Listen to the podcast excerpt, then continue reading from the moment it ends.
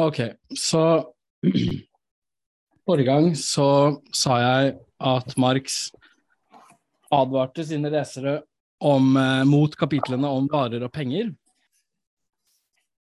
fordi de ble utført på et, eh, eh, et abstraksjonsnivå som var såpass høyt at forbindelsen mellom teorien og de dagsaktuelle krava ble vanskeliggjort. Men når det gjelder teorien om kapitalen, så var tonen til Marx eh, en litt annen. I brev så omtalte eh, Marx det, kapittelet om kapitalen, som det da var planlagt som, eh, som den egentlig viktigste delen. Det er der den virkelige kampen begynner, og hvor analysen virkelig blir skremmende for, eh, for publikummet. Og i et eh, annet brev gjør Marx også det klart at formen i kapitlet om kapitalen da, ville bli mer populært sammenligna med kapitlene om varer og penger, delvis fordi det har en direkte revolusjonær oppgave, og delvis fordi det handler om mer konkrete forhold. Så kapitalbegrepet inneholder kjerna i det kritisk-teoretiske prosjektet, som annonseres av liksom valget av undertittel til kapitalen, nemlig kritikk av den politiske økonomien.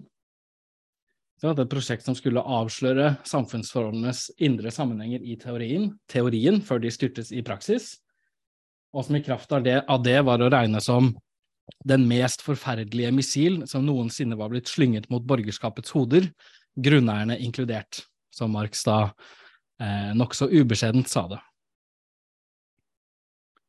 Så sånn som jeg skal framstille den, så inneholder Marx eh, teori om kapitalen to hovedpåstander. For det første at kapital er et historisk oppstått og midlertidig samfunnsforhold som framstår som naturgitt og urokkelig, som en ting. At kapital ikke eksisterer i seg selv, men produseres av mennesker under visse historiske forhold. For det andre at kapital hviler på en samfunnsmessig klassedeling, på arbeiderklassens politiske frihet på den ene sida, men, men det også på deres adskillelse fra arbeidsbetingelsene på den andre. Og i det hele tatt innebærer et klasseherredømme og en klasseutbytting som framstår som et harmonisk samspill mellom likeverdige og gjensidig avhengige produksjonsfaktorer. Arbeid, kapital og jord må virke sammen for å produsere samfunnskaka, og så får, de krangle i ettertid om hvem som skal få hva, er jo den klassiske fortellinga. Så det er de hovedmomentene jeg vil prøve å utvikle i foredraget. Og tilsynelatende så er kapital en eh, enkel, gjennomsiktig størrelse som, eh, som kan defineres, hva skal man si, uten videre. Og det finnes jo mange definisjoner før Marx. For eksempel da den klassiske definisjonen at kapital er eh, tidligere arbeid eller opplagret arbeid. Eh, det er produserte produksjonsbetingelser. I det hele tatt redskaper, maskiner og råstoffer. Som var definisjonen til økonomer som William Petty, Adam Smith, David Ricardo. Også oppfatningen av kapital som penger som brukes for å tjene mer penger, som var den klassiske merkantilistiske definisjonen av kapital.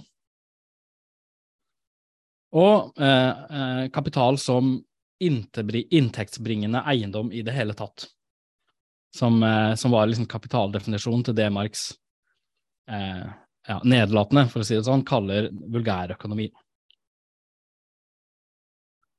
Eh, For Marx var ingen, ingen av definisjonene i og for seg tilstrekkelige. Kort sagt fordi kapital ikke er en enkel, men en eh, nokså sammensatt og komplisert størrelse. Og det at, eh, det at kapital er en komplisert og sammensatt størrelse, kan illustreres biografisk eh, ved å se på Hvis man ser på den personlige ferden som Marx går gjennom når han utvikler sin teori om hva kapital faktisk er. For teorien om kapital som Marx eh, leverer, utvikles gradvis og i flere etapper, forskningsetapper. Og, og de, den eh, prosessen strekker seg over tre tiår, eh, og det er bare hvis man konsentrerer seg om liksom hovedmomentene. Og, og, i hver omgang, så, i hvert tiår, så skrives det sant, tusenvis av manuskriptsider hvor ulike aspekter av dette kapitalbegrepet blir utvikla. Så det var en lang, en lang og vanskelig ferd.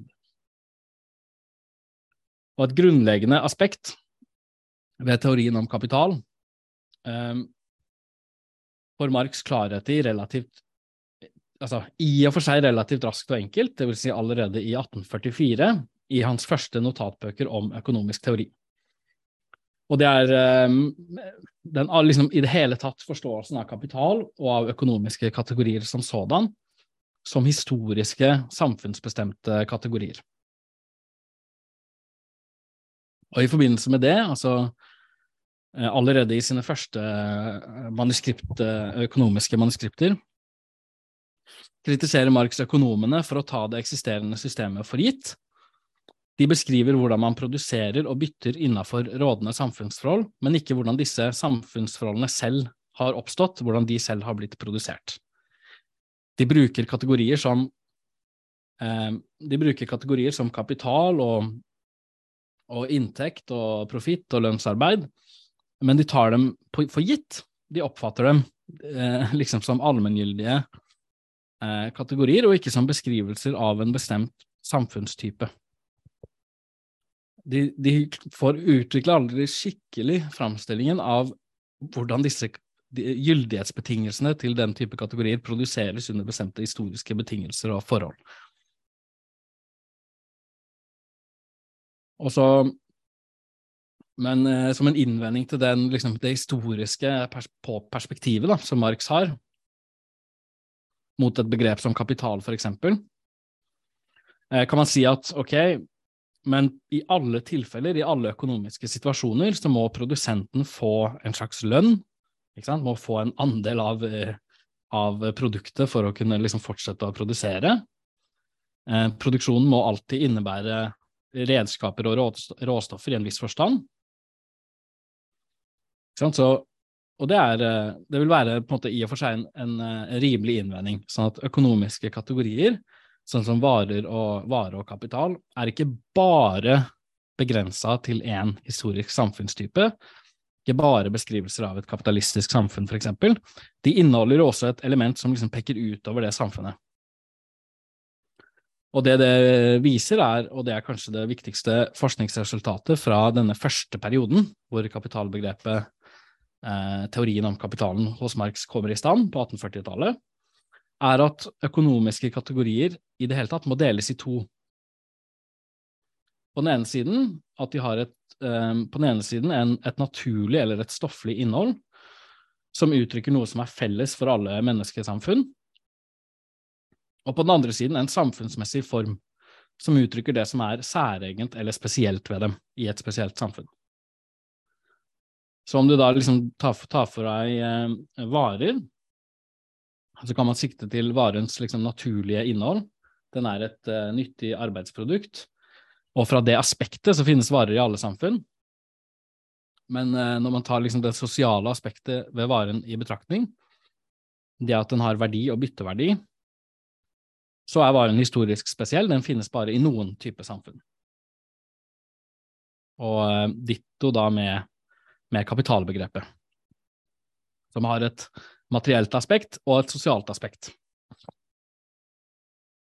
Og på grunnlag av det skillet kan Marx påpeke at kapitalbegrepet til økonomene blander disse aspektene, blander sammen to aspekter ved kapitalbegrepet som må holdes strengt adskilt fra hverandre.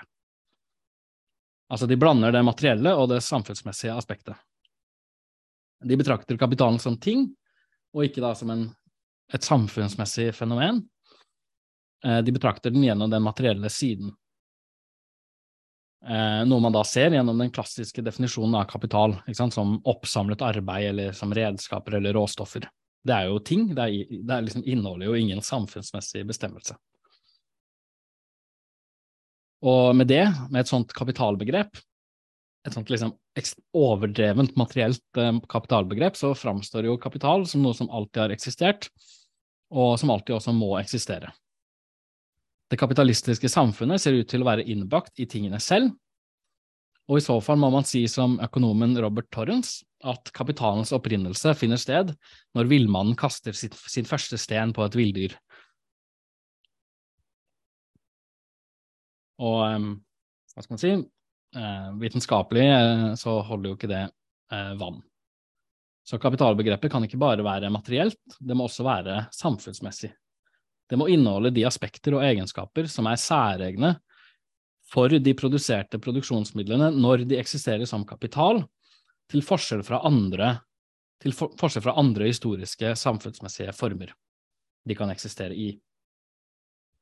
Så det er oppgaven som liksom Marx kapitalbegrep løser, eller prøver å løse. Det er å, det er å eh, overskride den klassiske definisjonen som bare fokuserer på det materielle aspektet av hva kapital er, og, og fylle ut den sosiale eh, bestemmelsen av hva som kjennetegner kapitalen i eh, Ja, i liksom på en, på en, eh, på en historisk spesiell måte, da. Og, og, um, og når han da skal introdusere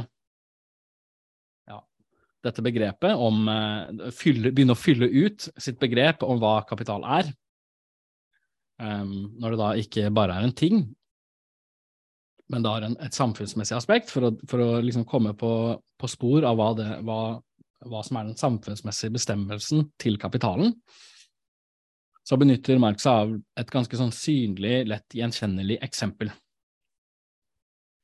Eh, det vil si, eh, han, han, betrakter penger eh, som sirkulerer som kapital, og sammenligner dem med penger som sirkulerer bare som penger. Og når vi snakker om uttrykket sirkulasjon, det betegner eh, bare at eh, noe skjer på markedet. Sirkulasjon? Det er, det er kjøp, salg på markedet. Ikke noe mer eller mindre.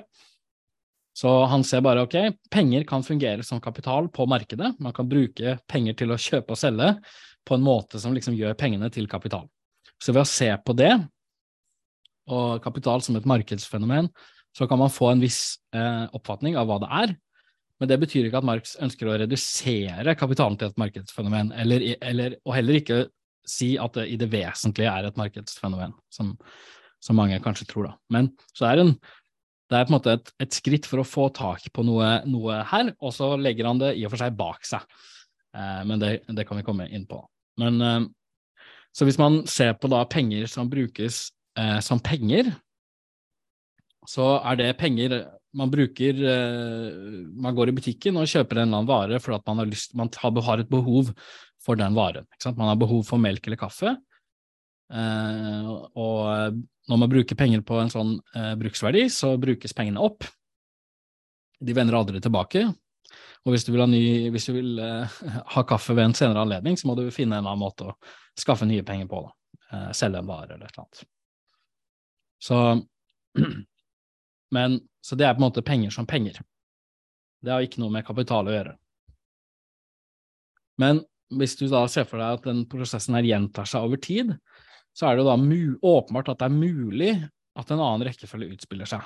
Sant? At en rekkefølge utspiller seg som ikke begynner med vare og slutter med vare, men som begynner med penger og slutter med penger. Og i en sånn rekkefølge så blir pengene eh, kapital.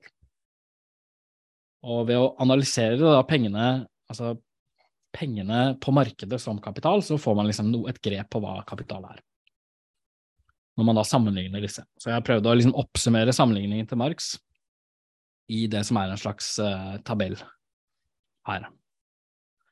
Men så for å ta det litt sånn i tur og orden um, det, det, den sammenligningen av disse formene på en måte viser, er at um, penger, når de brukes som kapital, de brukes ikke lenger opp, de blir bare forskuttert, og så vender de til syvende og sist tilbake Kanskje jeg skal bytte stol, for jeg knirker så veldig.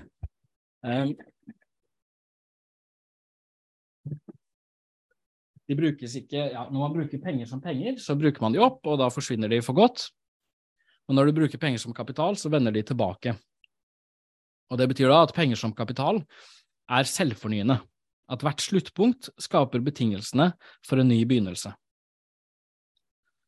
Eh, og den andre forskjellen er at pengene nå ikke er et middel eh, for å tilfredsstille et bestemt behov, siden utgangspunkt og sluttpunkt blir en og samme ting. Penger eh, altså har, er det samme kvalitet i begynnelsen og i slutten. Så det eneste mulige formålet med prosessen, når pengene sirkulerer som penger, eh, som kapital, beklager, er den kvantitative forskjellen mellom pengene i utgangspunktet og pengene i sluttpunktet. Så det er liksom sant? de to en vesentlig forskjell. Og, og et tredje poeng da er at pengenes vekst eh, fra utgangspunktet til sluttpunktet i og for seg bare uttrykker verdiens vekst. Framveksten av en ny verdi, en merverdi. Eh, for når en, en vareeier selger sin vare, en eller annen vare for penger, man selger kantareller på torget, så mister man bruksverdien til den varen man har, men man, man mister ikke verdien til den varen. Man kan ikke lenger spise kantarellene hvis man har solgt de, Eh, den egenskapen er ikke lenger tilgjengelig, men, men, men kantarellenes egenskap uh, som verdi, kantarellenes tiltrekningskraft på samfunnets rikdom og byttbarhet med en andel av denne rikdommen, uh, får man beholde. Men den skifter form fra kantareller til penger. Denne verdien skifter form fra, fra vareform til uh, pengeform. Og Altså det å si at en vare, når man bytter en vare, så, så, skifter verdien form fra vare til penger, det kan liksom virke litt kunstig, men, men det, er, altså det er jo noe som forblir det samme. Uh, og da, dermed så er det faktisk en, en, uh, et fornuftig uttrykk, da.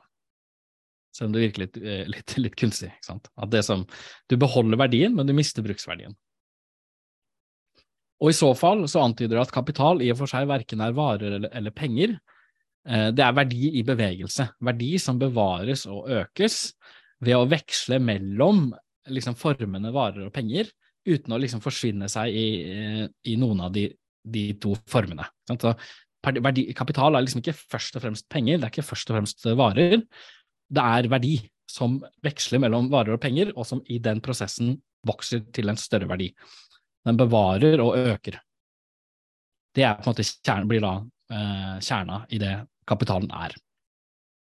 Så økningen av den opprinnelige verdien med en ny verdi, merverdi, blir da kapitalens definerende kjennetegn og mål. Eh, dens drivende hensikt og endelige resultat. En fjerde forskjell kan vi da si at, at, er at penger, eh, penger som penger har et bestemt formål, eh, nemlig å tilegne en eller annen bruksverdi, kaffe eller melk, og når de er brukt til det formålet, så er eh, prosessen avslutta. Da er det ferdig. Mens derimot penger som kapital, så er jo utgangspunktet og sluttpunktet det samme. Og det betyr at det finnes ikke noen kriterier for når den prosessen er avslutta. Altså, resultatet er det samme som utgangspunktet, så i prinsippet går det jo i en slags sirkel, men det går ikke bare i en sirkel, for at, eh, for at prosessen skal være meningsfull, så må jo verdien vokse. Så det er en utvikling. Så, det, så, så vi kan si den går i en, en uavsluttet spiral. En, en liksom evig en spiralbevegelse som er, som er målløs eller uendelig, da. Endeløs.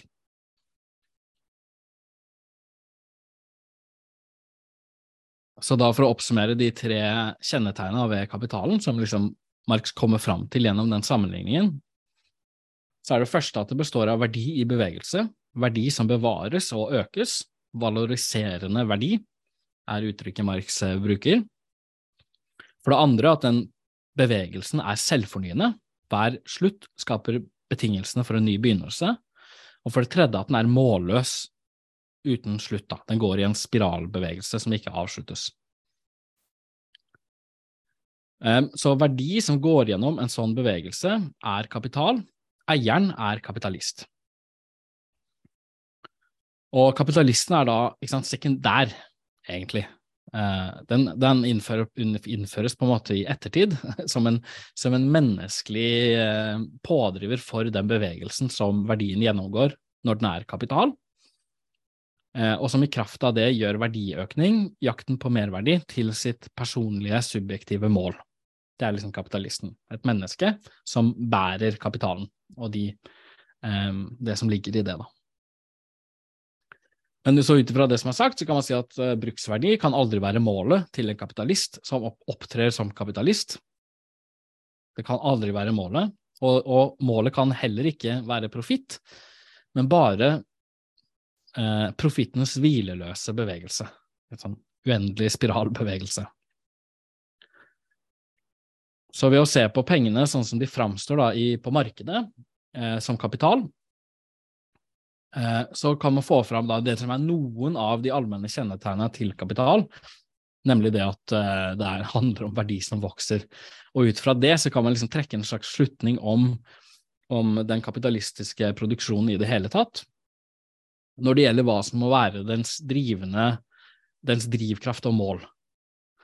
Og, um, og da og oppsummert så skriver Marx da at, at den kapitalistiske produksjonens bestemmende formål drivende hensyn og endelige resultat må være produksjonen av merverdi.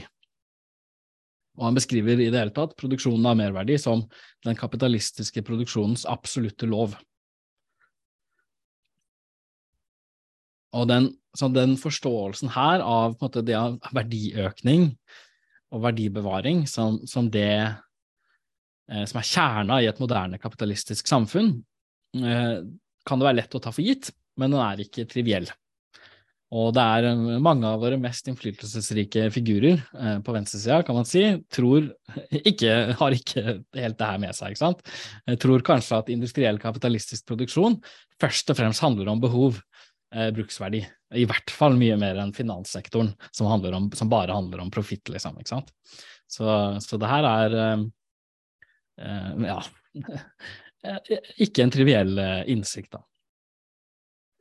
Og det er ikke egentlig mange teorier om kapitalismen som, som, som konsekvent har det som liksom den virkelige loven bak hele prosessen, da, som Marx har.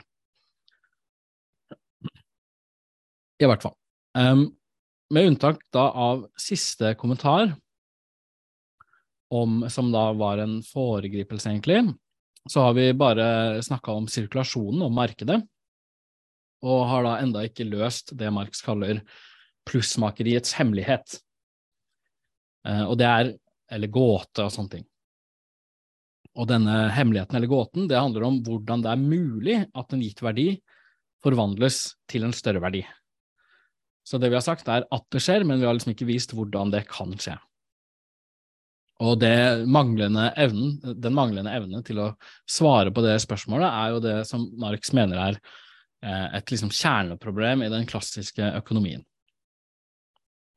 Og han skriver i et brev, som jeg siterer her, at, uh, at du vil selv ha oppdaget i dine økonomiske studier at Ricardo i utviklingen av profitten havner i motsetning til sin korrekte verdibestemmelse, som i hans skole har ført til en fullstendig oppgivelse av grunnlaget, eller til, til den mest forkastelige eklektisisme. Jeg tror jeg har fått rettet opp i tingene. Det er sånn uh, det var eh, ja, stemningsrapport fra 1858 eller sånn. Og hvor Marx liksom hadde kommet fram til den teorien om merverdi. Og, eh, og, og det han påpeker, Marx påpeker her, er at Ricardo, den store klassiske økonomen, som jeg har vært inne på flere ganger, eh, at han liksom vikler seg inn i en teori hvor, hvor det viser seg at kapitalen til syvende og sist egentlig må være en slags kilde til profitt i hvert fall en viss profitt.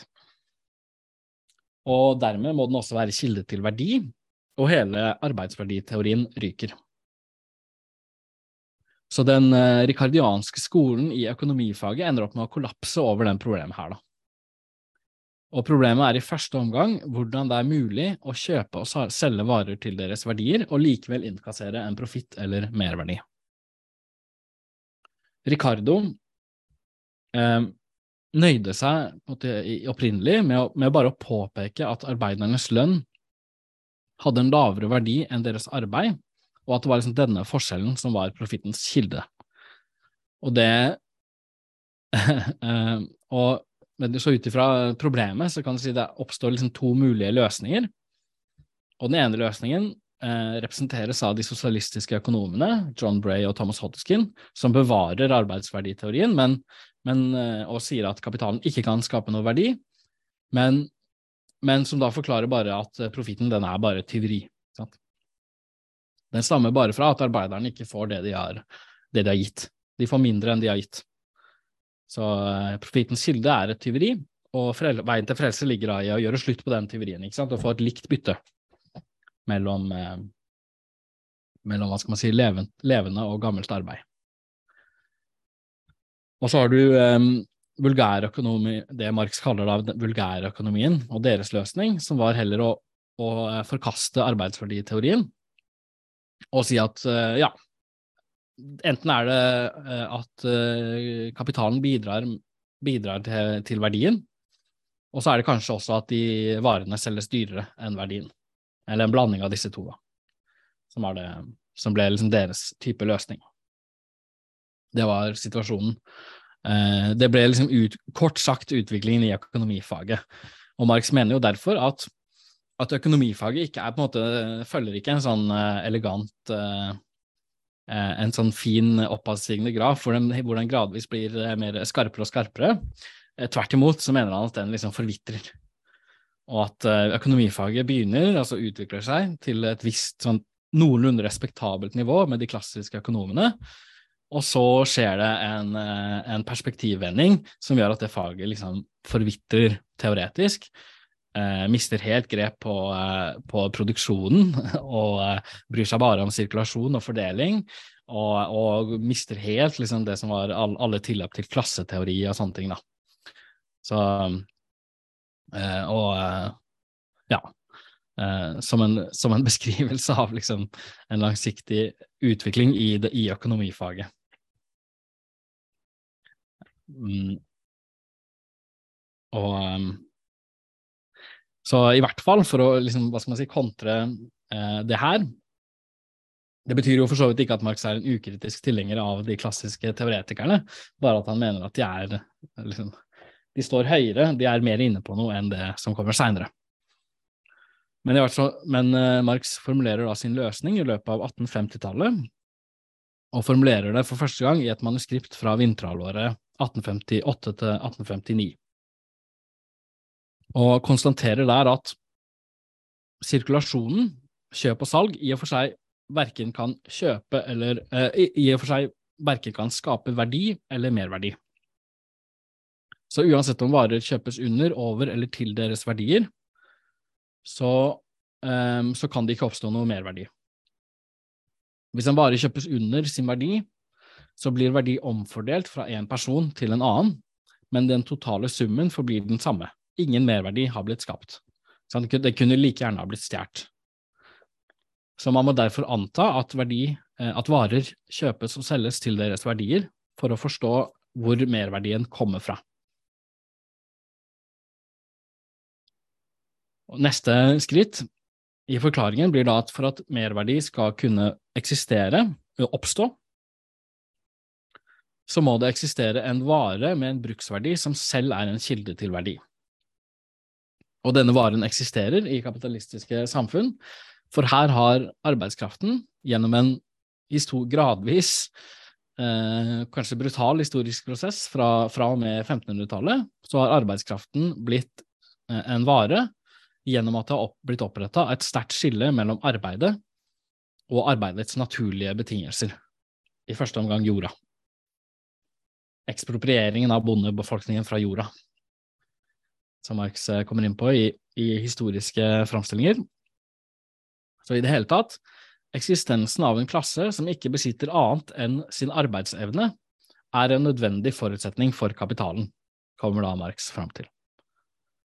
Det, hvis ikke det eksisterer et sånt radikalt skille mellom arbeid og arbeidsbetingelser, hvis, hvis samfunnets produsenter kan virkeliggjøre sitt eget arbeid, så, så finnes ikke arbeidskraften til salgs som en vare. Men det gjør den, og det må den jo da gjøre, for at det skal fungere. Så kapitalisten kjøper eh, arbeiderens arbeidskraft, evne til å arbeide, som en vare. Og det han da kjøper og betaler for på arbeidsmarkedet, som det heter, er jo da til tross for navnet ikke arbeidet, men arbeidskraften. Det vil si den evnen til å arbeide som et eh, menneske besitter i kraft av sin legeme og sin personlighet. Sånn gjennom sine nerver, hjerneceller, muskler osv., for å ta liksom den, eh, så har mennesket den egenskap at det potensielt kan arbeide. En potensiell evne. Og det er denne evnen som kjøpes og selges. Eh, selve arbeidet blir ikke kjøpt og solgt. Um, og som en vare så er arbeidskraften en kilde til større verdi enn den selv har, for dens egen verdi bestemmes uavhengig av verdien til varene arbeideren produserer. Så arbeidskraftas verdi tilsvarer derfor verdien av de livsmidler arbeideren må forbruke for å holde sin arbeidsevne ved like. Eh, det som må forbrukes for å fornye og opprettholde både legeme og personligheten som besitter eh, den arbeidskraften. Og uttrykket personlighet kan være viktig, et viktig stikkord her, for det antyder at og det antyder at, og det antyder egentlig også hvorfor, det ikke kan være snakk om et eksistensminimum, men en samfunnsmessig standard som vokser med, eh, med utviklingen av samfunnets produksjonsmidler.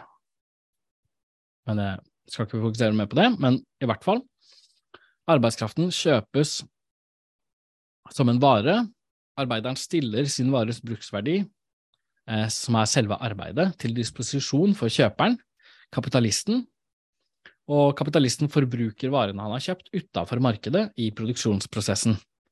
Og dermed så blir også produksjonsmidlene han har kjøpt, eh, forbrukt. Den forbrukes av arbeideren når arbeideren arbeider, men arbeideren, når arbeideren arbeider, så er jo arbeideren da liksom produktiv kapital. Arbeideren er liksom innlemma i kapitalistens kapital, så, så, den verdiskapningen han gjennomfører, er jo verdiskapningen til tingene kapitalisten eier. Forskjellen mellom arbeidskraftas bruksverdi og verdi forklarer hvordan merverdien kan forenes med bytte av like verdier. Kapitalisten kjøper ikke arbeidet, men arbeidskraften eller arbeiderens evne til å arbeide. Og eh, produktet som oppstår til syvende og sist, er jo da fullt og helt eid av kapitalisten. Og det er helt i tråd med varebyttets lover. Så i løpet av en arbeidsdag produserer arbeideren på så og så mange timer, fire timer, verdien av sin egen arbeidskraft, verdien hun da får som lønn, og resten av arbeidsdagen produserer hun merverdien som tilfaller kapitalisten. Og proporsjonen mellom disse størrelsene, mellom det betalte og det ubetalte arbeidet blir da det Marx kaller merverdiraten, eller utbyttingsraten. Så det blir liksom forholdet i løpet av en arbeidsdag mellom betalt og ubetalt arbeid. Og de uttrykkene betalt og ubetalt arbeid rokker ikke ved at arbeidet aldri blir betalt. Eh, det er, det er på en måte bare en forkortelse, men, eh, men, eh, det, er, men sånn, er noe sånn. Så det er et forhold mellom, mellom betalt og ubetalt arbeid i løpet av en viss arbeidsdag eller arbeidsuke, eller hva man vil. Og på dette forholdet, på utbyttingsraten, ser man grunnlaget for interessekonflikten mellom arbeid og kapital, egentlig. I hvert fall begynner man å skimte det grunnlaget, idet arbeiderklassen får interesse av å redusere utbyttingsraten, og redusere andelen av det ubetalte arbeidet, mens kapitalen selvfølgelig da vil øke merverdiraten på ulike måter. Eh, hovedsakelig på to måter, gjennom absolutt merverdi ved å forlenge arbeidsdagen og intensivere arbeidet, og gjennom relativ merverdi, ved å øke arbeidsproduktiviteten og dermed redusere lønnskostnadene. Så allerede her så kan man vel si at det, ikke, det, det, liksom ikke, det kan ikke eksistere et magisk hvilepunkt hvor interessene til arbeiderne sammenfaller med kapitalen. Det er en, en iboende motsetning, da. Og det er mange som drømmer om å finne et sånt hvilepunkt, men, eh, men det, det, skjer rett og slett ikke. I hvert fall, kjøp og salg av arbeidskraft er måten kapitalisten tilegner seg ubetalt arbeid fra arbeideren. Det betyr at i sitt innhold er lønnsarbeidet et tyveri, en tvangstilegnelse av ubetalt arbeid og et tvangsarbeid. Det er tre uttrykk som Marx, eh, Marx bruker helt selv, for å si det sånn.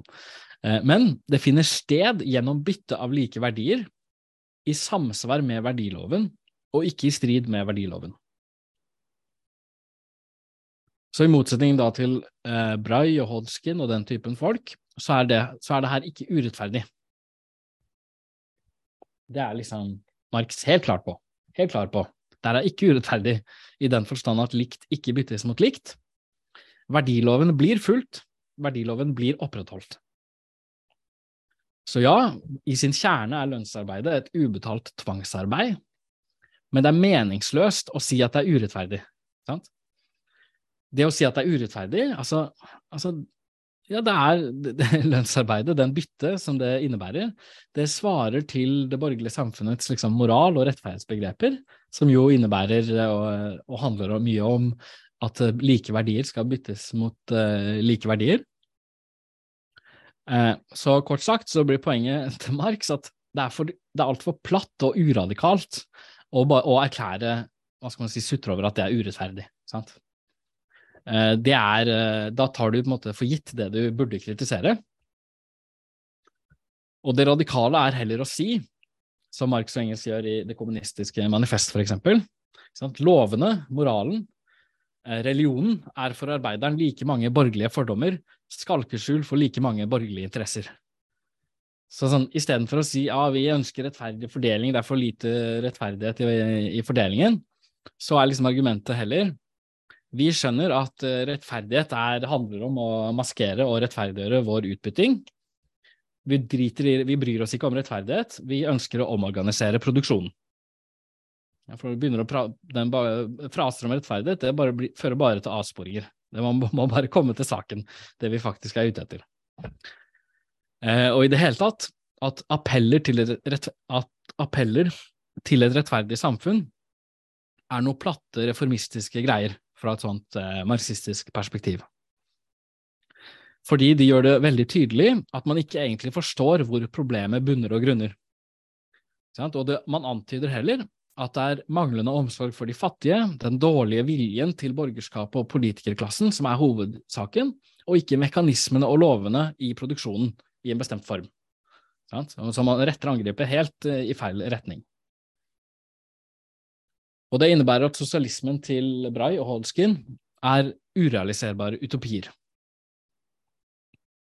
De innser det som er sant, nemlig det at eh, profitt stammer fra ubetalt arbeid, men forstår ikke at det skjer på grunnlag av verdiloven, og de forstår derfor heller ikke hvorfor varebyttets utvikling fra liksom det like og rettferdige byttet mellom, mellom små vareeiere utviklingen av det til, til det skjeve, klassedelte byttet mellom arbeider og kapitalist, de forstår ikke at den utviklingen er, er, en nødvendig utvikling, og at det å skulle gå tilbake til, fra klassedelingen til de likeverdige vareforholdene mellom likeverdige bytteforhold mellom små småprodusenter, det er ingen løsning.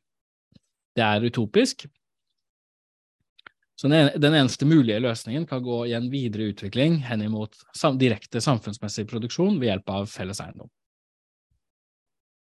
Det er på en måte den politiske, det som også politisk står på spill da, i den debatten om om det er rettferdig eller urettferdig med lønnsarbeid. Um, så tidligere ble det sagt at um, i forrige foredrag, eller kanskje første, ble det sagt at framstillingen til Marx går fra det abstrakte til det konkrete. Og, og sånn er det også her, i framstillingen av kapitalen. Og her òg innebærer denne oppadstigningen da, eh, en gradvis overgang fra kapitalens liksom, vesentlige indre kjerne til dens ytre overflate, som er det kapitalistiske samfunnsmedlemmer umiddelbart oppfatter i sine praktiske liv, men hvor de vesentlige forholdene blir forvridd og mystifisert på ulike måter. Men fordi utviklingsgangen går fra den vesentlige kjerna til de synlige fenomenene, kan da Marx ikke bare forklare hva kapital er, men også hvorfor og hvordan den framstår i en sånn forvridd form. Hvorfor den framstår som noe annet enn det den dypest sett er. Så vi begynte da å på, med å se på kapitalen i sirkulasjonen, og så på kapital som et sånt produksjonsforhold mellom arbeid og kapital, hvor merverdien skapes av arbeideren som har solgt sin arbeidskraft til kapitalisten. Og her, på det nivået, så er liksom den virkelige kjerna i kapitalen klasseforholdet mellom arbeider og kapitalist, eh, og produksjonen av merverdi i produksjonsprosessen, den er liksom relativt grei å få tak på. Men så, i den videre eh, utviklingen, så kommer det nye nivåer som hele tida gjør denne kjernen eh, vanskeligere og mer mystisk. Og det skjer allerede med begrepet arbeidslønn, som er forholdet mellom arbeid og kapital sånn det umiddelbart framstår. Og i, denne, eh, og i arbeidslønn så framstår kjøp og salg av arbeidskraft som var, det, som var det forholdet mellom arbeid og kapital gikk ut på, det framstår som et kjøp og salg av arbeid. Og, eh, og vips, og vips er det gjort. Sant? Vips, så forsvinner klasse- og utbyttingsforholdet. For hvis lønn er betaling for arbeid, eh, hvis lønn er en betaling for at arbeideren har arbeida så og så lenge, en viss arbeidstid, så kan, det ikke, kan, så kan det ikke eksistere noen utbytting i det hele tatt. Så i stedet for klassemotsetning, så får vi bare et harmonisk samspill mellom arbeid og kapital, som hver på sin måte bidrar til det endelige produktet. Og som belønnes for deres respektive bidrag med respektive inntektstyper, som profitt og lønn, og grunnrente, da, hvis man tar med grunneierne. Og den her, altså vridningen som oppstår gjennom Som liksom, for, som liksom maskerer eh, eh, forholdet mellom arbeid og kapital, er grunnlaget for den hva skal man si, propagandaframstillingen vi veldig ofte hører av samfunnsproduktet som liksom en kake, samfunnskaka, som produseres. Samfunnskaka produseres gjennom et samarbeid mellom, mellom, mellom arbeid og kapital, som ulike produksjonsfaktorer, og de må virke sammen før for å lage denne kaka, og den endelige kaka kan da fordeles til ulike grupper i henhold til de eh, rettferdighetsprinsippene vi liksom skulle ha. Så, Så må, det må vi få unna først. Og det er jo det som er den eh, Det prinsippet, så å si, har jo Arbeiderpartiet så å si programmatisk malt på sine faner eh, med slagordet 'skape og dele'. Ja, først, først, så skaper vi, og så deler vi. Når vi skaper veldig mye, så kan vi dele mye.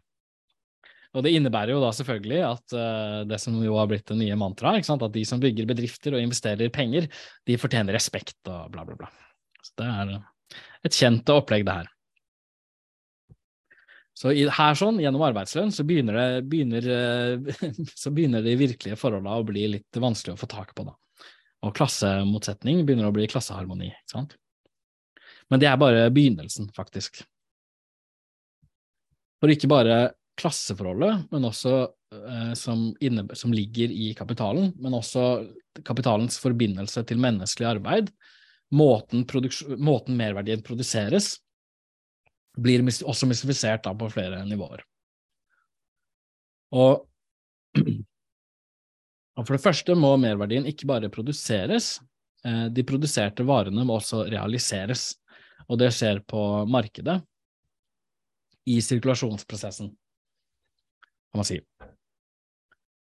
Og det åpner allerede for en, en enda en omsnuing, hvor det ikke ser ut til at merverdien oppstår i produksjonen, men i sirkulasjonen eh, på markedet ved at varer blir kjøpt eh, billig og solgt dyrt.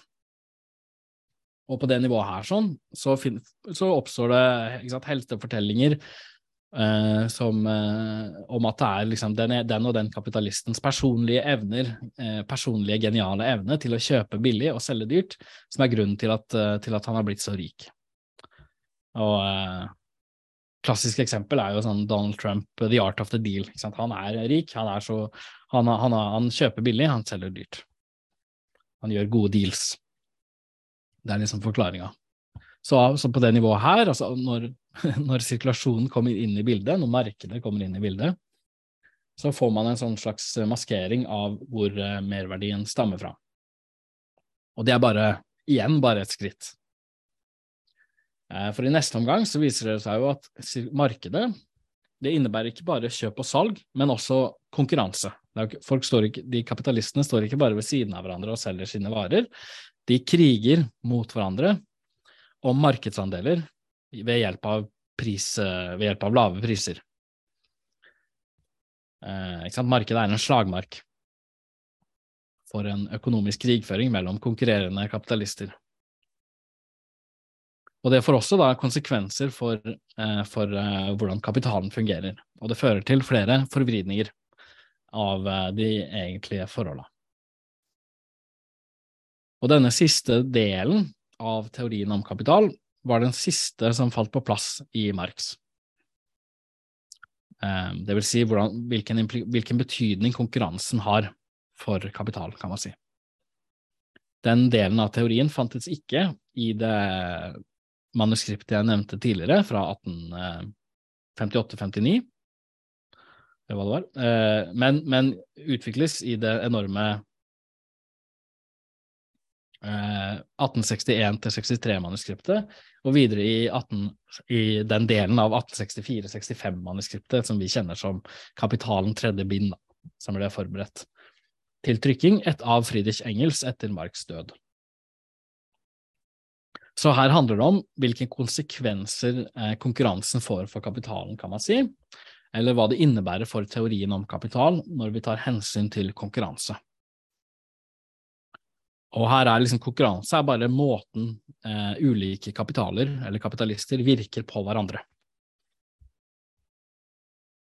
Og på et sånt nivå så holder det ikke å snakke om um, Holder det ikke å snakke om kapital som sådan, som vi har gjort tidligere, siden kapitalen splittes opp i ulike kapitaltyper. Hovedsakelig pengekapital, handelskapital og industrikapital. Og vi får ikke bare merverdi i det hele tatt, men, men mange ulike former for merverdi som tilfaller de ulike typer kapital. Pengerenter, handelsprofitt, industriprofitt, og i tillegg så, så også da grunnrente.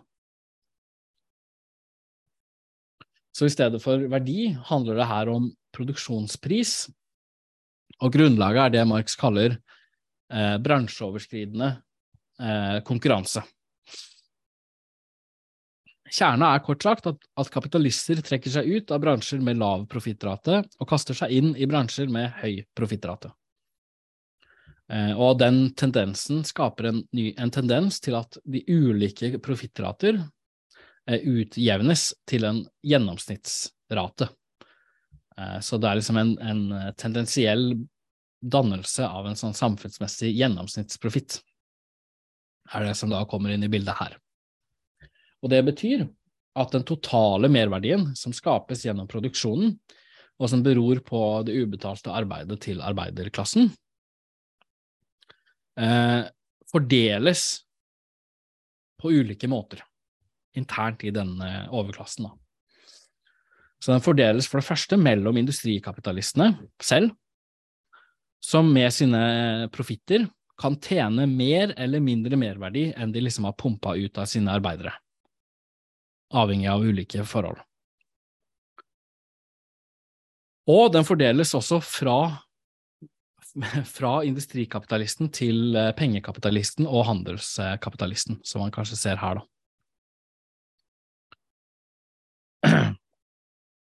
Så, så den andel som alle kapitalister får av merverdien, tenderer til å være proporsjonal ved størrelsen på deres kapital.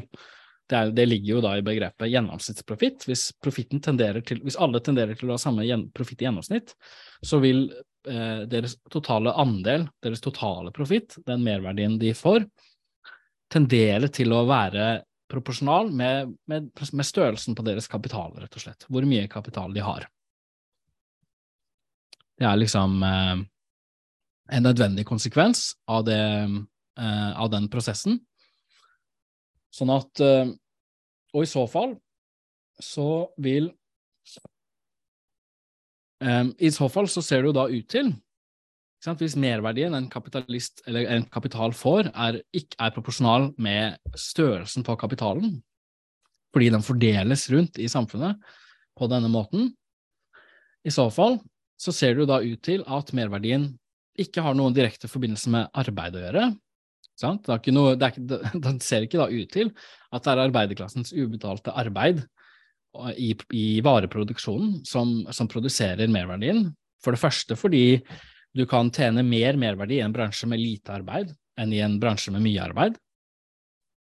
Eh, du kan tjene, og du kan tjene god merverdi også i bransjer hvor det ikke produseres noen varer, og heller ikke noe, produseres noen verdi. Sånn at, eh, sånn at, det ser jo da ut til, på det nivået her, at at, uh, at, uh, at merverdien stammer fra kapitalen selv i en eller annen forstand. Merverdien, merverdien, skapes jo, den, den, konstante variabelen som i alle tilfeller forklarer hvor mye merverdi man får, er jo størrelsen på kapitalen. Så merverdien må jo da være en virkning av kapitalen. Og, og, og selve arbeidet, og det ubetalte arbeidet til arbeiderne i vareproduksjonen, ser ut til å være mer eller mindre tilfeldig. Uvesentlig. Så her blir så her blir jo da eh, merverdien og det ubetalte arbeidet som merverdiens kilde vanskelig å få grep på. ikke sant? Det ser ut til at det er kapitalens størrelse, og ikke størrelsen på det ubetalte arbeidet, som bestemmer mengden merverdi man får. Og kapitalen ser ut til å selv kunne produsere mer verdi. Jo mer kapital man har, jo mer får man. Og denne mystifiseringen er, blir dette er også det, vi, er, vi, er, ikke i mål ennå engang, for det kommer, kommer mer. ikke sant? Så, den, så, her har man en mystifisering som, som, stammer fra fordelingen av merverdi gjennom gjennomsnittsprofitt. Og det er liksom måten merverdien framstår for oss i det daglige, praktiske livet, i motsetning til det ganske teoretiske eksempelet vi begynte med. Og videre det, og med gjennomsnittsprofitten så blir det bildet liksom Så framstår det helt annerledes. Og videre, eh, med oppdelingen av ulike kapitaltyper, så framstår det også annerledes. Særlig da med tanke på, på todelingen.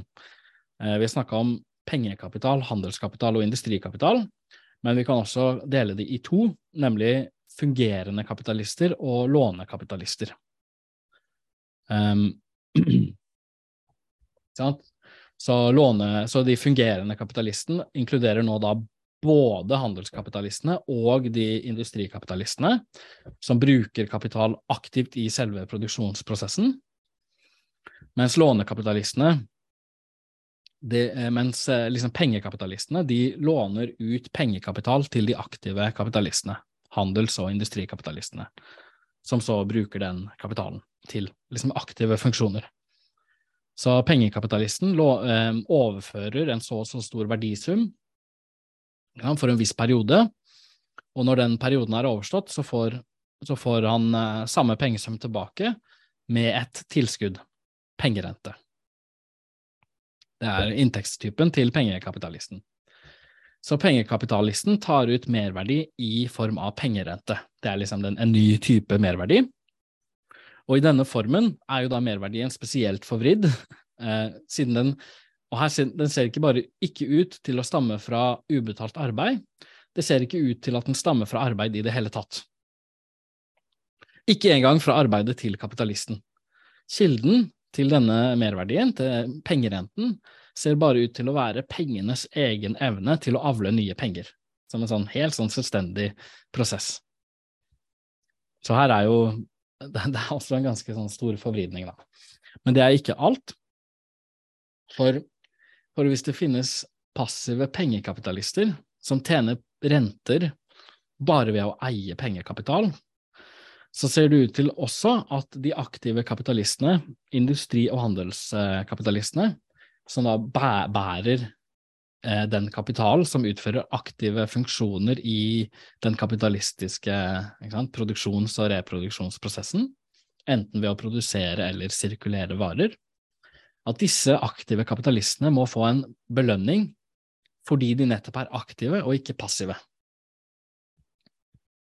Så de har da krav på en entreprenørprofitt. Det er det som eh, det belønnes da de aktive kapitalistene med. Og denne entreprenørprofitten stammer da, sånn som disse ser det, ikke fra arbeiderklassens ubetalte arbeid, men fra deres egen aktivitet, til forskjell fra rentekapitalistenes ikke-aktivitet. Fra det faktum at de bruker kapitalen aktivt, og ikke bare eier den, som eh, pengekapitalisten gjør. Så igjen da blir eh, merverdiens kilde liksom forvridd og mystifisert. Um, så på grunnlag av, av her, eh, den oppdelingen her mellom ulike kapitaltyper, mellom aktive og passive kapitalister, og oppdelingen av merverdien i pengerente og entreprenørgevinst, eh, oppstår også muligheten for at det kan oppstå eh, hva skal man si, vulgære antikapitalistiske strømninger. Det finnes sosialister som reagerer mot det her sånn, Eh, og som tar det litt sånn for god fisk. For det første, de, eh, ved å tro at eh, pengerenten er et ran som den passive kapitalisten gjennomfører mot den aktive kapitalisten. Eh, siden rente er ufortjent inntekt, den er jo liksom en passiv, mens entreprenørgevinsten er fortjent. Det er på en måte én en linje, og det er grunnlaget for et sånt enormt mas eh, som har vært, i hvert fall i det siste, om rentekapitalisme, og at, sant, at kapitalismen i vår tid blir forpurra av renter osv. Og, eh, og det er grunnlaget for prosjektet til Mariana, Mariana Mazzucato, som går ut på å kneble finanssektoren for å skape en kapitalisme for alle. Eh, hvor de virkelige skaperne, industrikapitalistene og arbeiderne, arm i arm kan føre samfunnet i en bedre retning. Det er sånn én variant eh, som springer ut av den for, forvirring som, som, det skillet her mellom åpner for. En annen variant er sosialister som forestiller seg at pengeutlånerne kontrollerer de aktive kapitalistene og tvinger dem til å jakte etter profitt. Um, og en variant av den teorien, finnes mange varianter av, av den teorien egentlig. I én variant får man da teorien om at det, det moderne kapitalistiske samfunnet beherskes av bankene. Det er de store bankene som kontrollerer liksom, produksjonslivet, for at de har fordringer på hele industrien. ikke sant? Eh, og det var eh, en teori som ble, ble, veldig populær i den klassiske marxismen. Karl Kautsky eh, eh, hadde, hadde, en sånn teori, Rudolf Hilferding og også Vladimir Lenin hadde varianter av en sånn teori. Eh, og veldig mange kommunistpartier på 70- og 80-tallet hadde også en sånn en sånn eh, teori da, om eh, liksom, finanskapital. Og i dag eh, finnes det også en, en, utgave av samme teori, faktisk, som, som, men det kalles, nå kalles det teorien om nyliberalisme. for i hvert fall sånn som David Harvey formulerer den teorien, teorien om nyliberalistisk kapitalisme, da, så handler det også om maktforskyvningen mellom at det, det finner sted en maktforskyvning fra den produktive til den finansielle sektoren i kapitalismen.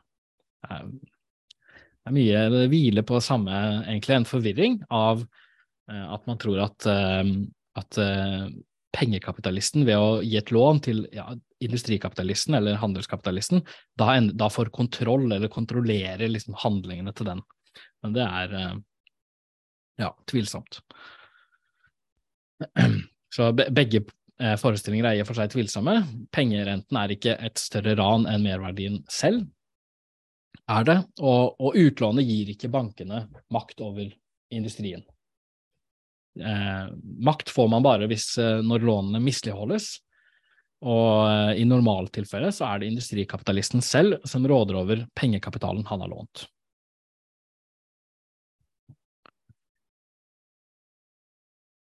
Ja. Så i hvert fall, i det hele tatt, så blir kapitalen og merverdien forvridd og mystifisert på flere måter. Eh, hvis man da ser på hvordan de liksom framstår mer eh, ganske sånn konkret i, i, det praktiske hverdagslivet i et kapitalistisk samfunn. Og de, den forvrir særlig gjennom konkurransen, som gjør, as, gjør at merverdien fordeles som gjennomsnittsprofitt, og gjennom skillet mellom kapitaltyper, som er beskrevet her. Men paradoksalt nok, for å avslutte med det, så, så er det også på dette nivået når konkurransen og gjennomsnittsprofitten blir tatt i betraktning. Det er egentlig bare på det nivået at man fullt ut kan forstå klasseforholdet i et kapitalistisk samfunn. Se om jeg klarer å Der. Ja.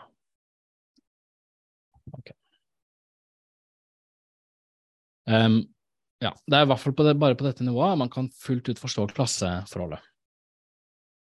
Um, for hvis en kapitalist ikke tilegner seg sin egen merverdi, men merverdien er, en, er et samfunnsmessig totalprodukt som fordeles blant klassens ulike medlemmer eh, og grupper gjennom konkurransen, og tenderer til å svare med til å være proporsjonal med størrelsen på deres kapital, så ser man at eh, forholdet mellom arbeider og kapitalist ikke bare er et forhold mellom individer i ulike økonomiske posisjoner, den lokale kapitalisten og den lokale arbeideren en, på en gitt fabrikk i en gitt by. Det er samfunnsovergripende størrelser i en viktig forstand. Det er et forhold mellom totalkapitalen og totalarbeidet. Og det betyr at verdiøkningen til en gitt kapital, eid av en gitt kapitalist, avhenger av verdiøkningsbetingelsene som råder i samfunnet som helhet. Så det nasjonale styrkeforholdet mellom arbeid og kapital setter rammene for profitten til hver enkelt kapitalist. De nasjonale lønnsutgiftene, den normerte arbeidstida, pensjonsnivået og pensjonsalderen, arbeidsintensiteten osv. Den type forhold påvirker det som er en allmenn samfunnsmessig merverdirate, som da påvirker gjennomsnitts forholdet mellom betalt og ubetalt arbeid, og dermed også da gjennomsnittsprofitten. Ja, sa vel ikke det helt rett, men, men noenlunde. Um, altså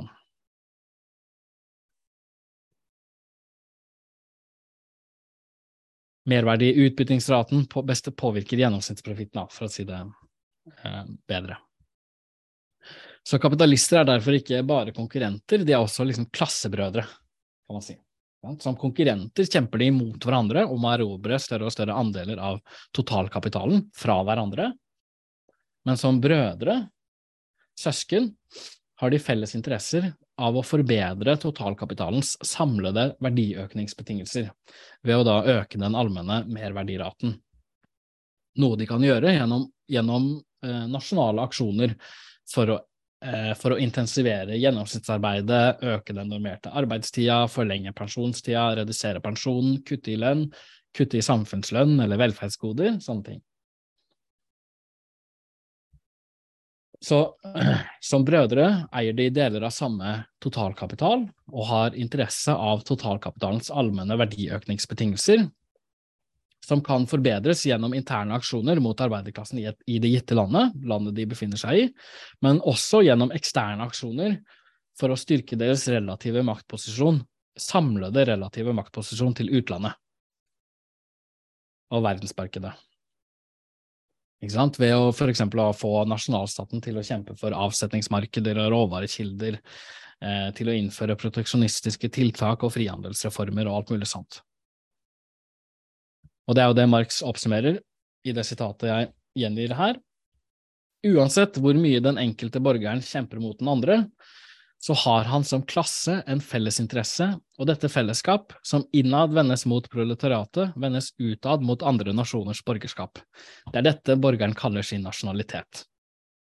Og det er liksom for øvrig den historiske forbindelsen mellom den den, en, grunnlaget for den velkjente historiske forbindelsen mellom nasjonalstaten og den kapitalistiske produksjonen. Men eh, det er jo da en siste fordreining som man kan snakke om på det nivået her.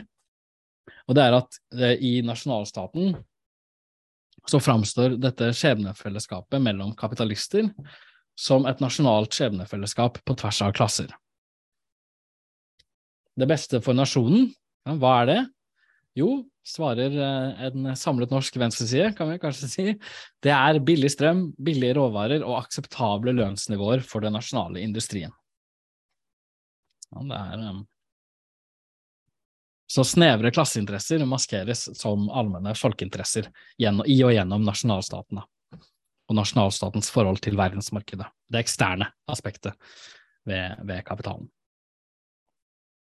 Så med det siste, den siste fordreiningen, da, så får jeg si eh, avslutte foredraget og si takk for meg.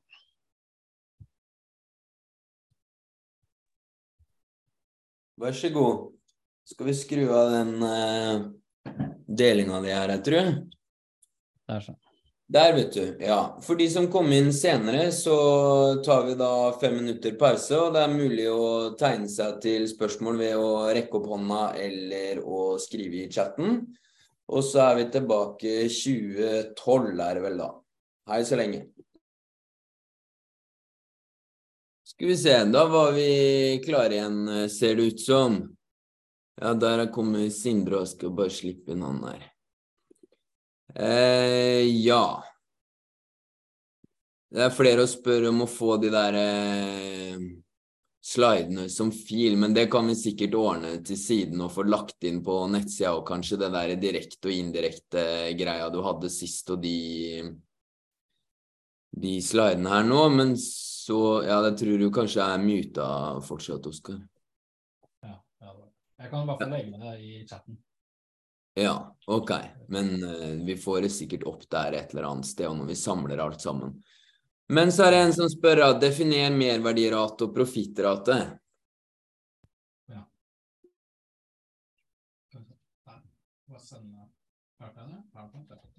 Å sende i chatten den powerpointen.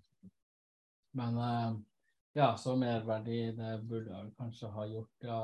Um, nei, så merverdiraten blir uh, forholdet mellom mellom eh, kapitalen som brukes på, på eh, arbeid, på, på arbeidskraft, eh, og merverdien som skapes av arbeidet. Så forholdet mellom, mellom, V og M, da, som det er vanlig å betegne det som. Mens i profittraten så er det forholdet mellom, mellom ut, utlegget til konstant kapital pluss variabel kapital, altså arbeidskraft, som deles på som deles på uh, merverdien. Så uh, profittraten blir liksom alltid lavere enn merverdiraten.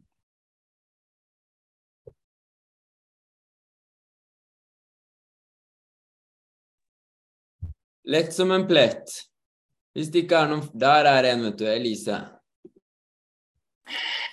Ja, jeg har på en måte to ting. Men nå har ikke jeg vært til stede i hele foredraget, så kan jeg at du har uh, gått litt gjennom det. Men det ene jeg har lyst til, du snakka om sånn utbyttingsgrad. Og sånn som jeg har forstått det, så er det sånn at uh, eh, f.eks. i Norge så er utbyttingsgraden høyere enn i Bangladesh, f.eks. Hvis du, kan ikke du bare forklare kort hvorfor er det egentlig sånn? Um, ja, um, så hvis vi tenker på at uh, hvis utbyttingsgraden er forholdet mellom betalt og ubetalt arbeid, så, kan, uh, så det, det ligger det i det kortet at kapitalen kan øke, øke merverdien ved å redusere lønnskostnadene. Ikke ved å slå ned lønna direkte, men ved å øke det, liksom, det allmenne produktivitetsnivået så kraftig at lønnskostnadene blir relativt små. At, at alle, alle, godene som arbeideren nei, til, kjøper, billiggjøres, og dermed så blir liksom lønnas, arbeidslønnas verdi eh, lav, da. Lavere. Um, og Det betyr at uh, en, et høyt produktivitetsnivå vil jo da innebære vil jo da innebære at, liksom, at, arbeid, at arbeidet, arbeideren blir billigere. Selv om reallønna forblir den samme. Um, og dermed så vil man jo da, hvis du sammenligner et land med liksom lavt og et høyt uh, produktivitetsnivå, så blir utbyggingsraten faktisk høyere i, i det landet med høyt uh, nivå. Da.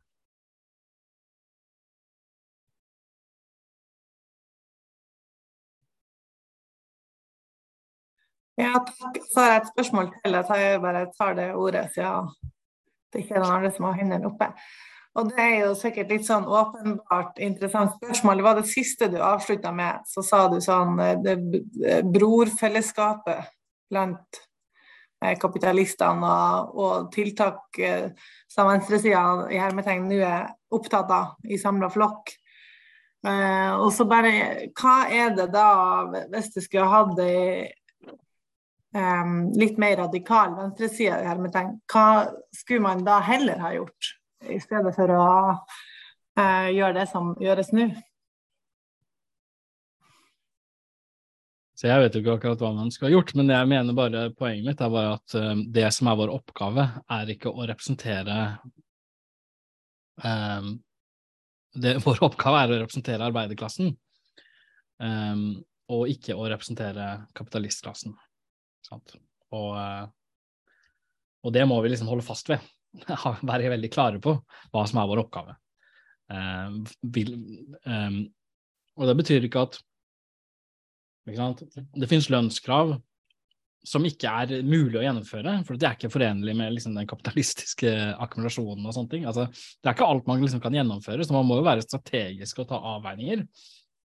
Men, men uh, men, eh, men, vårt, men, men, vår oppgave er ikke å eh, liksom sørge for, for vekst til eh, kapitalen i, det, i, håp om at det vil bringe oss alle lykke og velstand. ikke sant? For, at, for det er jo tvert imot ikke noen kilde til lykke og velstand for, for oss. ikke sant? En, en, marxistisk analyse viser, viser det at ja, økende profitabilitet for kapitalen trenger ikke å innebære at levekåra går opp. da. Um, sånn at det er liksom et komplisert spørsmål, så, så vi må liksom ha Man må liksom bare ta, ha klart for seg at det er forskjellige klasseinteresser, og ikke liksom innbille seg at uh, vi kan finne liksom det der magiske hvilepunktet mellom arbeid og kapital. Finne, liksom foreslå og hvis vi får litt høyere lønn, så får dere bedre avsetning for deres varer og sånne ting. Altså, det, det nytter bare ikke. Da bare polerer man bort liksom det som er, er uh, forståelsen av hva, hva vi faktisk må, skal kjempe for, da. Som er liksom salgsbetingelsene til varen arbeidskraft. Ja. Uh, Mikael var vel da først? Rasmus, ja. Mm. Hvis jeg bare kan foreslå et lite svar på det spørsmålet som ble stilt. Uh, så vil jeg bare si at det som er, har et grunnleggende problem for venstresiden ganske lenge, er vel det at de har neglisjert uh, imperialismen som, uh, og hvordan imperialismen har, har, tjent ulike nasjonale økonomier innad i Så vi utgjør Vi har på en måte outsourca våre konflikter, så vi kan drive med mer uh, hva skal man si, trivielle ting, som å diskutere strømpriser og forskjellige ting. og er helt blinde for hvordan vi Vår relative velferd er helt avhengig av imperialistiske forhold. Da som jeg da tenker er, iallfall i mine øyne, grunnen til at imperialisme er så grunnleggende for den kampen vi har.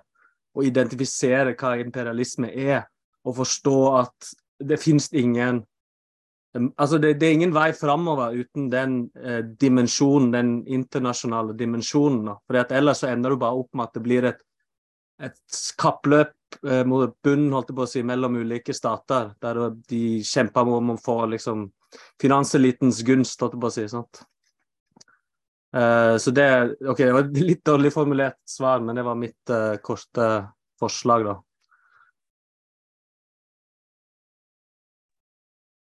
Um, Rasmus? Jeg tror de bytta om. Ja, det var jeg, sorry, det var jeg som snakka først. Beklager. beklager, beklager. Ja, ja, ja. ja. Uh, ja. Det er Mikael, da.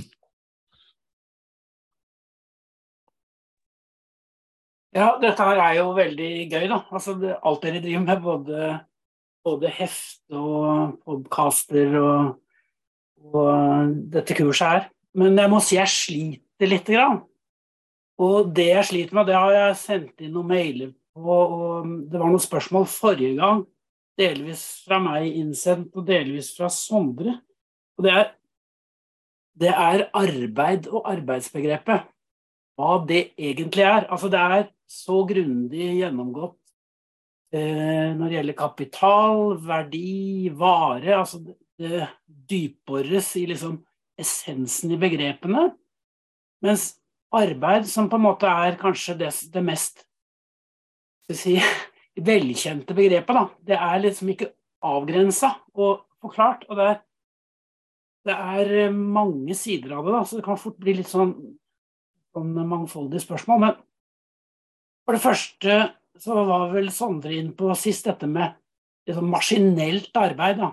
Min forestilling om arbeid er jo at det er en det er jo en bunn og grunn en fysisk størrelse, og så kommer det sikkert en masse samfunnsmessige ting eh, på toppen av det, men vi kan ikke løpe fra det fysiske grunnlaget. Da. Det har noe med, med energi å gjøre. Altså, hvorfor kan vi uten videre si at maskinelt arbeid, altså men, menneskelig arbeid, som er, som er det, den jobben vi gjør med hender og nerver og hjerne og muskel og sånn, eh, hvor vi får, på grunnlag av maten vi eter og oksygenet vi tar opp, så forlenger vi liksom eh, vår arbeidsevne med, med både med enkle arbeidsredskaper, men også med, med maskiner som forbruker energi.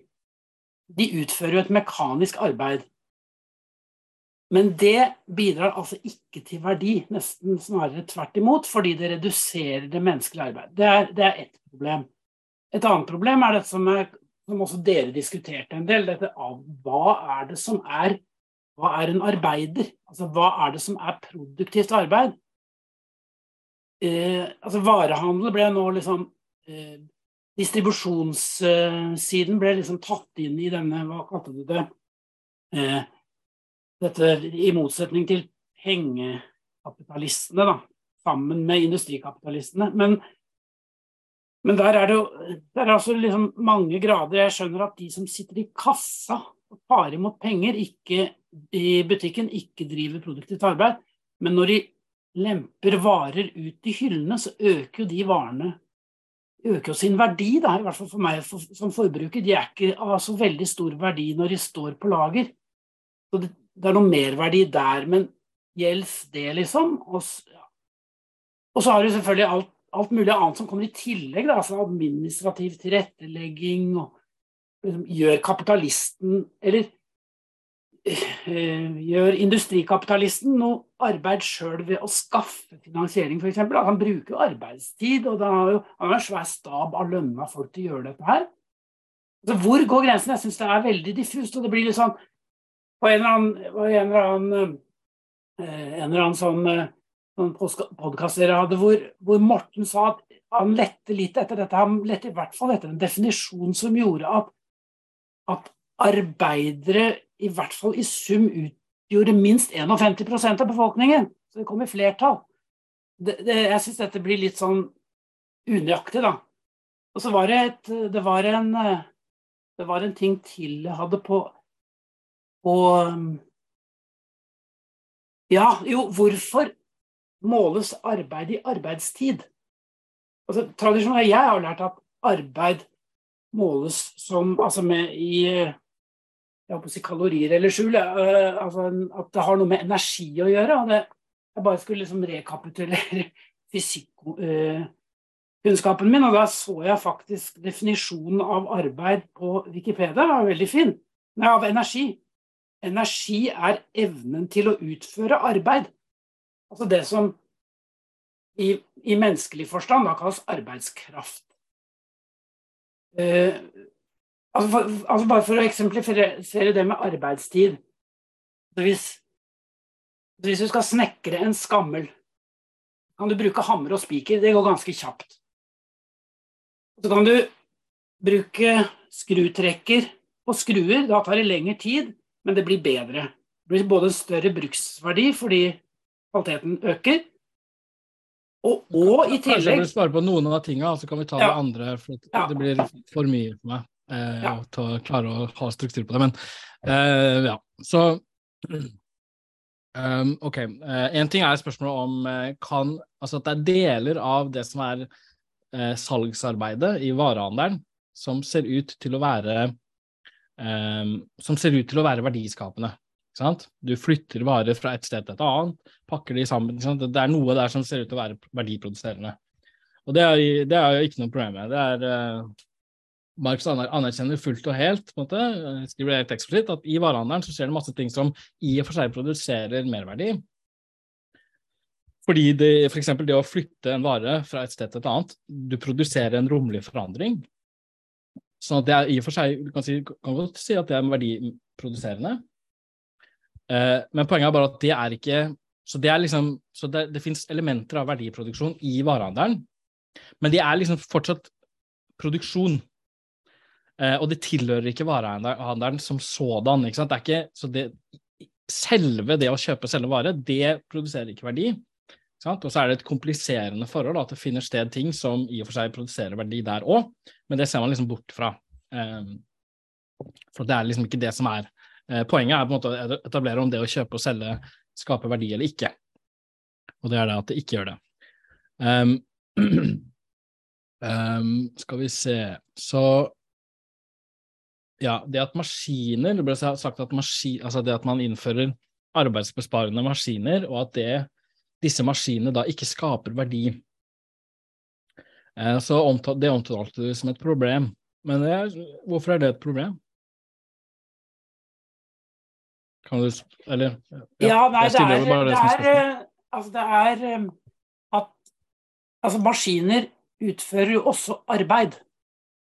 Hvis vi, skal, hvis, vi skal, hvis vi skal begynne med arbeid som fysisk størrelse, og det skal vi vel egentlig, for det er ikke Eller, eller opererer vi med en annen definisjon av arbeid? Fordi vi opererer, at, nei, nei, vi opererer med arbeid som en menneskelig størrelse. Menneskelig arbeid. Altså ikke, men, ikke arbeid i en sånn allmenn fysisk forstand, men arbeid som en bevisst menneskelig, en bevisst menneskelig omdanning av uh, den ytre natur for å tilpasse den naturen menneskelige behov. Um, ja, kort sagt. Men, og det men, kommer inn på det i siste del av det heftet. da. Så det er ikke, ikke arbeid i en fysisk forstand, uh, nei. Altså som, som en sånn fysikkbegrep. Det er spesifikt menneskelig arbeid. Men vil ikke da våre motstandere på høyresida si at ja, men da innfører dere en, begrens, en avgrensning som dere velger, som passer for deres formål?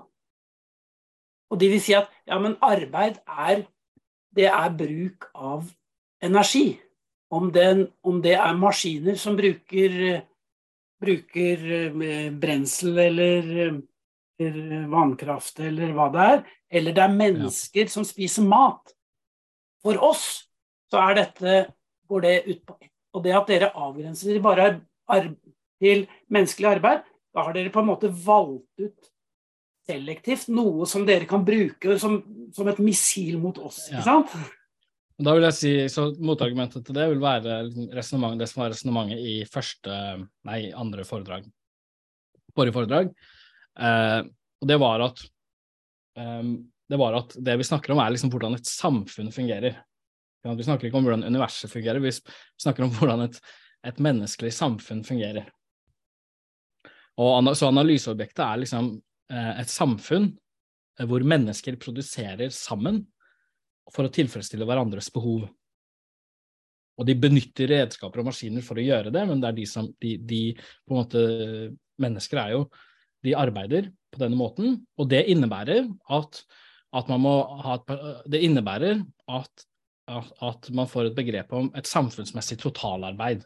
Mennesker som produserer for hverandre, som produserer samfunnsmessig, råder over et, en totalsum av arbeidskrefter.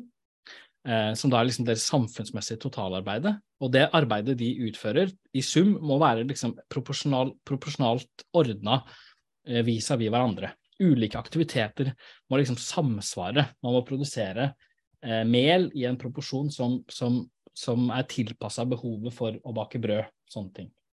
Sånn det er derfor at det, når man snakker om varer, så er det ikke liksom for å komme til, eh, til bunns i hvordan universet fungerer.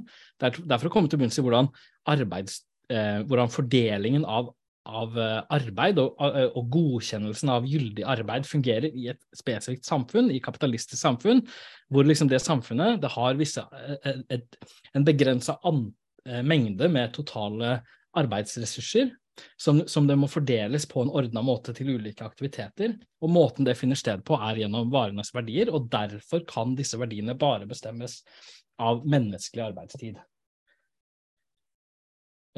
Så det, det resonnementet er liksom komplisert, men, men det utelukker at, uh, at liksom at, at, at vil jeg si at Hvis du begynner å koble inn arbeid i en sånn fysikkforstand, sant, så alle mulige ting i universet som, kan, som har en energi som kan produsere en, arbeids, effekt, det er ikke direkte relevant for det spørsmålet. Sant? Så da, Det er ikke direkte relevant for å, for å forstå hvordan, hvordan, et, hvordan eh, det samfunnsmessige arbeidet i et gitt samfunn eh, ordnes og, og eh, i bestemte proporsjoner. Eh, jeg snakker bare ja. da, da, da, må man ha liksom det, hva som er hva, Da må man inn på det menneskelige arbeidet som liksom dette samfunnet råder over. Da. Jeg snakker bare om den delen av det fysiske universet som mennesket tar i bruk. Da. Altså, jeg snakker om maskiner og energiutvinning som en del av, av den samfunnsmessige aktiviteten. Jeg, mener, jeg, snakker ikke om alt som skjer okay. utenom. Ja, så da, så da, blir det da, da, må man nok modifisere argumentet litt. Da, da blir det mer det som er argumentet at, at uh, det som liksom ligger til grunn for disse forholdene, må, må være noe som, eh, som, som varene har eh, som, som, som, er likt mellom disse varene. Som så de kan, de, kan være, de kan, bestå av ulike bruksverdiprosesser, men de har liksom en samfunnsmessig enhet, og det kan bare være, det kan bare være menneskelig arbeid liksom den tredje, den siste fellestingen de har sammen. Men det er igjen liksom det poenget om at, at her har vi en, en, et, et, et, samfunnsmessig arbeid som, som, det liksom skal finnes en enhet mellom. Da. Og, og det ligger i det allerede at, at, at det er arbeid som det består av. Da.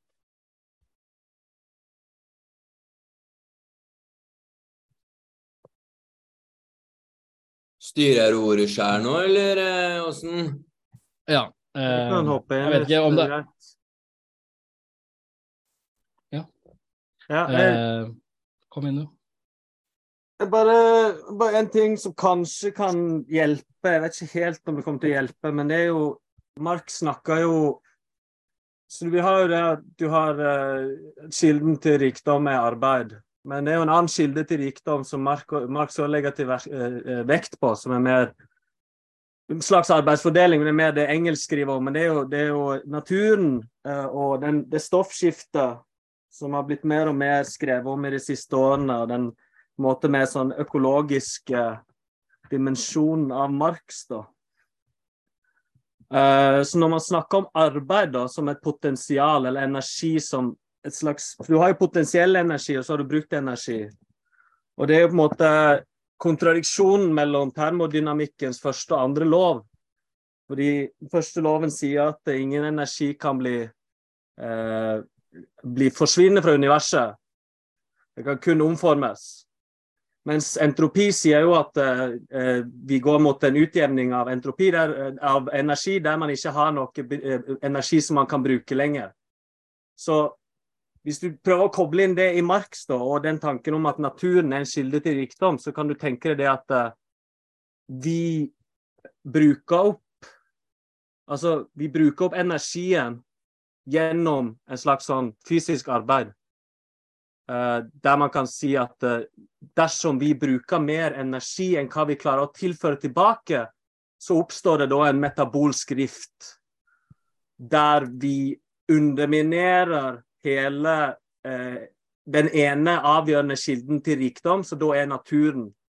Så til sjuende og sist vil det være likegyldig om man fortsatt har lønnsarbeid eller arbeid som en kilde til rikdom, dersom man ikke har noen ressurser som man kan bruke, dersom man ikke har energi.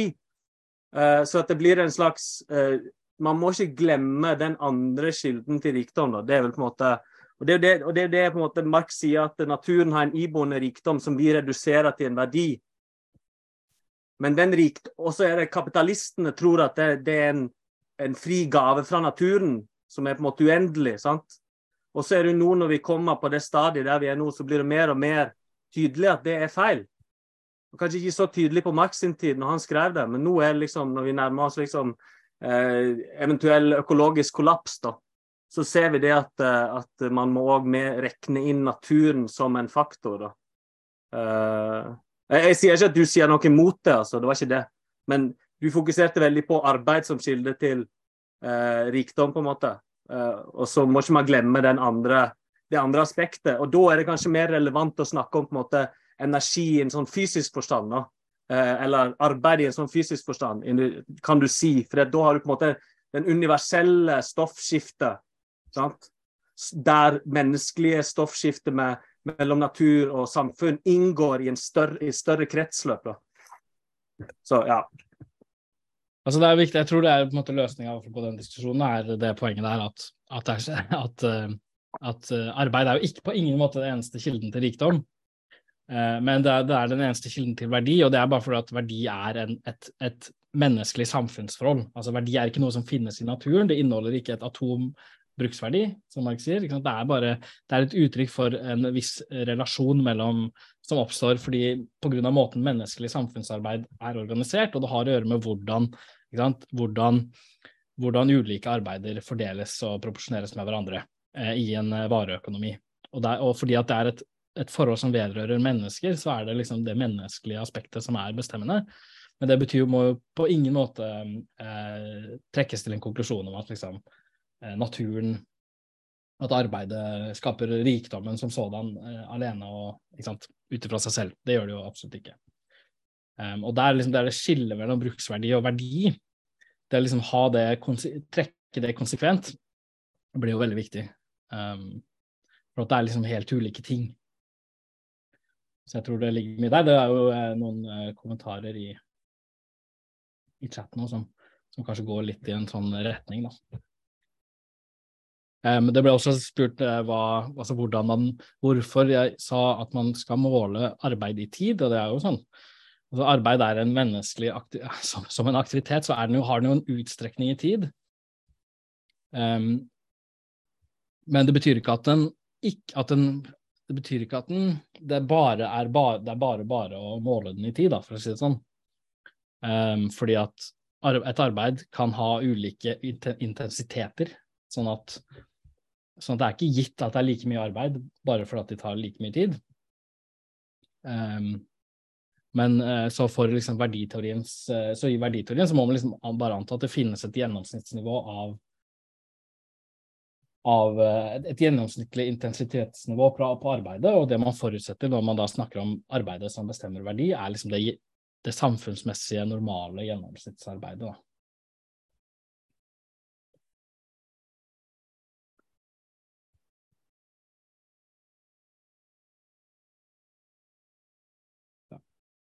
Elise gir seg ikke.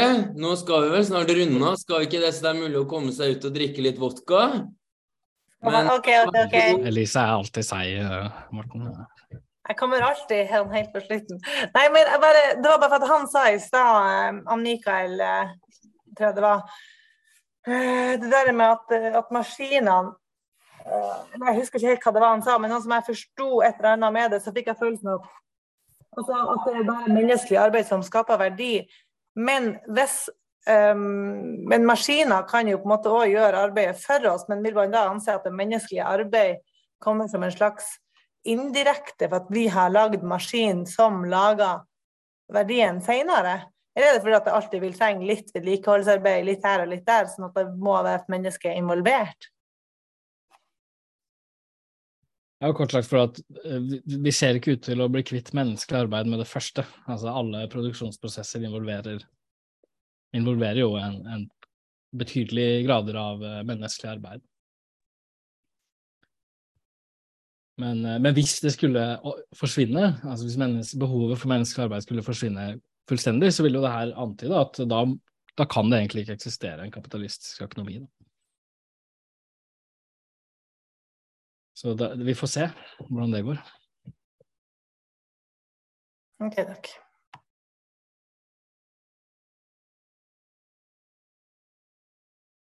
Ja, Mikael, vær så god. Ja, ja, takk for klargjøringer både i chatten og, og, kommentarene. Men bare for å kaste frem helt til slutt, da. En kanskje bare en sånn hverdagsutsagn som, som, du kan pelle fra hverandre fort, uh, Oskar. Altså, vil ikke det å jobbe smartere øke verdien av arbeidet? Jf. å skru en skrue med en drill fremfor å skru med skrutrekker eller slå en spiker med hammer. Er ikke det som, i hvert fall fra kapitalistenes side, så, eller fra sosialdemokratenes side, så vil de si det. At hvis vi jobber smartere, så øker vi verdien av arbeidet. Ja, så man får gjort mer på kortere tid, og da blir arbeidet mer verdifullt, tenker du på? Ja. Ja, ja så det er jo det at uh, Nei, altså egentlig, her er jo påstanden at det, det, tvert imot, det blir um, verdien av produktene man skaper, blir mindre verdifulle. Selve arbeidet er like verdifullt som før, uh, men det er fordelt på flere produkter for at man jobber smartere, så de produktene blir relativt mindre verdt. men men det er fortsatt en grunn til å gjøre det. ikke sant? Grunnen til at de sier det, er jo at det å, det å få arbeidere til å jobbe raskere og mer produktivt er en kilde til profitt. Eh, som ikke nødvendigvis måtte, Sånn at um, Delvis fordi det er en kilde til ekstra profitt. Det at en, en, en, en, bransje, en industribedrift produserer relativt raskere enn sammenlignbare bedrifter, de, de, vil da kunne karre til seg en ekstra profitt for at de ligger over det normale nivået. Og da er det jo en ekstra verdi, kan du si. da. For verdibestemmelsen, verdien bestemmes av det vanlige arbeidstakten. Og så hvis man da jobber eh, raskere, så, så, vil man jo da produsere varer som har vært mer på samme tid. Så da blir det sånn som du sier. Men hvis alle de andre skulle følge med, så blir jo liksom det samfunnsmessige normalnivået blir jo, da, blir jo da det nye nivået som du har introdusert. Og da forsvinner din ekstraprofitt, Eh, og ditt arbeid er, eller dine arbeidsprodukter er like mye verdt som de var i utgangspunktet. Men, eh, men, men eh, produktenes verdi i det hele tatt har blitt lavere, så merverdien kan øke fordi lønnskodene blir billigere. Så det er liksom en tendens av det her til at hele tida vil en bedrift ha interesse av å kaste seg ut i å produsere mer produktivt, Eh, de får da en ekstraprofitt som forsvinner, men for at etter hvert som andre bedrifter kommer på samme nivå. Men denne dynamiske utviklingen av høyere arbeidsproduktivitet reduserer gradvis over tid summen på alle de lønnsgoder som går inn i arbeiderklassens eh, forbruk, og dermed så øker mer, merverdiraten gradvis og, og, taktfast over tid. Så det er liksom en tendens til at mer, merverdiraten øker eh, i et kapitalistisk samfunn. Sånn at Sånn at eh, tilsynelatende kan man jo si at det virker bortkasta å produsere raskere, eh, med utgangspunkt i en sånn verditeori, men det er, er det da ikke.